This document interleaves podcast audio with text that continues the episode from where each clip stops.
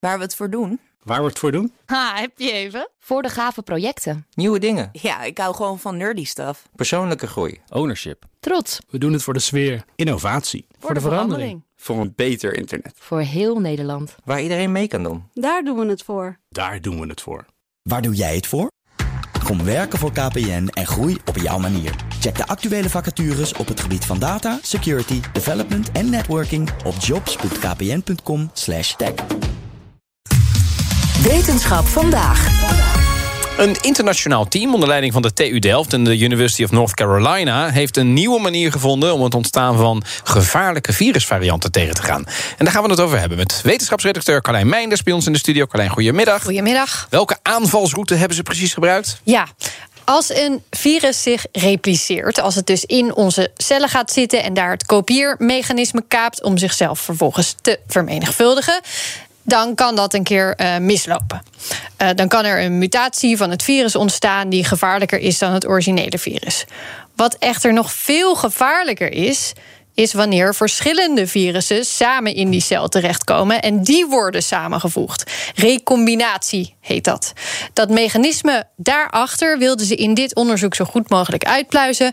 Wisten langer dat het bestaat, dat het gebeurt, maar niet precies wat de trigger ervoor is op moleculaire schaal en hoe dit dan precies verschilt per virus. Maar echt twee totaal verschillende virussen, zeg maar het griepvirus en het coronavirus bij elkaar? Of twee verschillende mutaties ik van denk het dat corona... dat, uh, ik gok zo, dat dat misgaat in een cel. Dat je dan niet een, een levensvatbaar virus er weer okay, uit krijgt. Die kennen elkaar niet, ja. Ja, dus er moet wel uh, overlap zijn wat okay. dat betreft, ja. Ja, en, en, en als je dat dus weet, hoe je dat verschilt per virus, dan kun je kijken hoe laten we dat mislukken. Toch? Ja, want uh, recombinatie wil je niet. Dan krijg je in veel gevallen, als het dus succesvol is, een gecombineerd virus dat extra besmettelijk kan zijn of dat langer in leven kan blijven.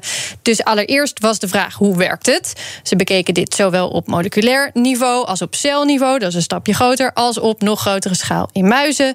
En ze zagen dat het gebeurt bij een hapering in dat replicatieproces. Het moleculaire kopieerapparaat, ook wel bekend als polymerase pauzeert en springt over naar een andere RNA-streng. Om daar vervolgens weer verder te gaan met kopiëren. En dit zorgt dus voor die recombinatie. Een RNA-streng die een combinatie is van verschillende RNA-strengen, zeg ja. maar. Ik denk dan, volgende stap, blokkeren die hap. Ja, alleen is blokkeren in dit geval niet precies wat ze hebben gedaan. Uh, ze hebben een experimenteel medicijn gebruikt dat in Azië al is goedgekeurd.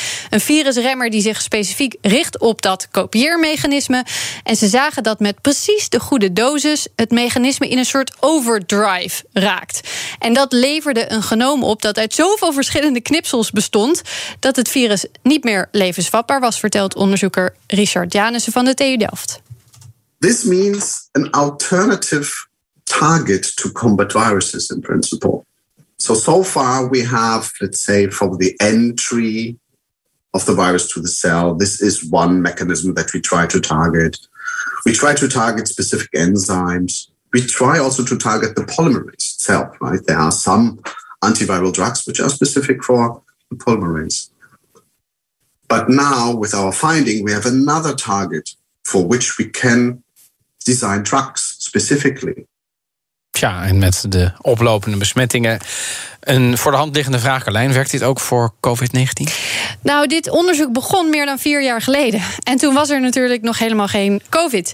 Uh, uh, ze kozen destijds dus voor iets anders. Ze keken naar het poliovirus als een soort basis... en een specifiek enterovirus. Verwanten van elkaar en beide, net als COVID en RNA-virus. Well, we chose enterovirus A71 because this virus species has yearly outbreaks in the Asia Pacific region, and it was predicted before we had COVID that it comes to Europe, but strongly also to the US and uh, have an outbreak in the US in 2020. So we focused on that virus because there was not much known about this virus so far. Daar begon het dus mee. Die, die verwachte uitbraak van dat virus, overigens, waarom ze dat gekozen hebben, die is er nooit gekomen. Ah.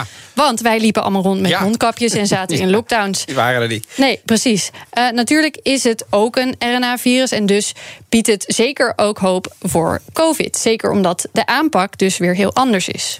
In principle, to increase recombination so much that we don't get a viral virus instead of just trying to stop, which in most cases does not work. Now, with COVID, I think the whole battery of antiviral drugs that we have so far, also experimental ones, were tested, but none of these were really effective.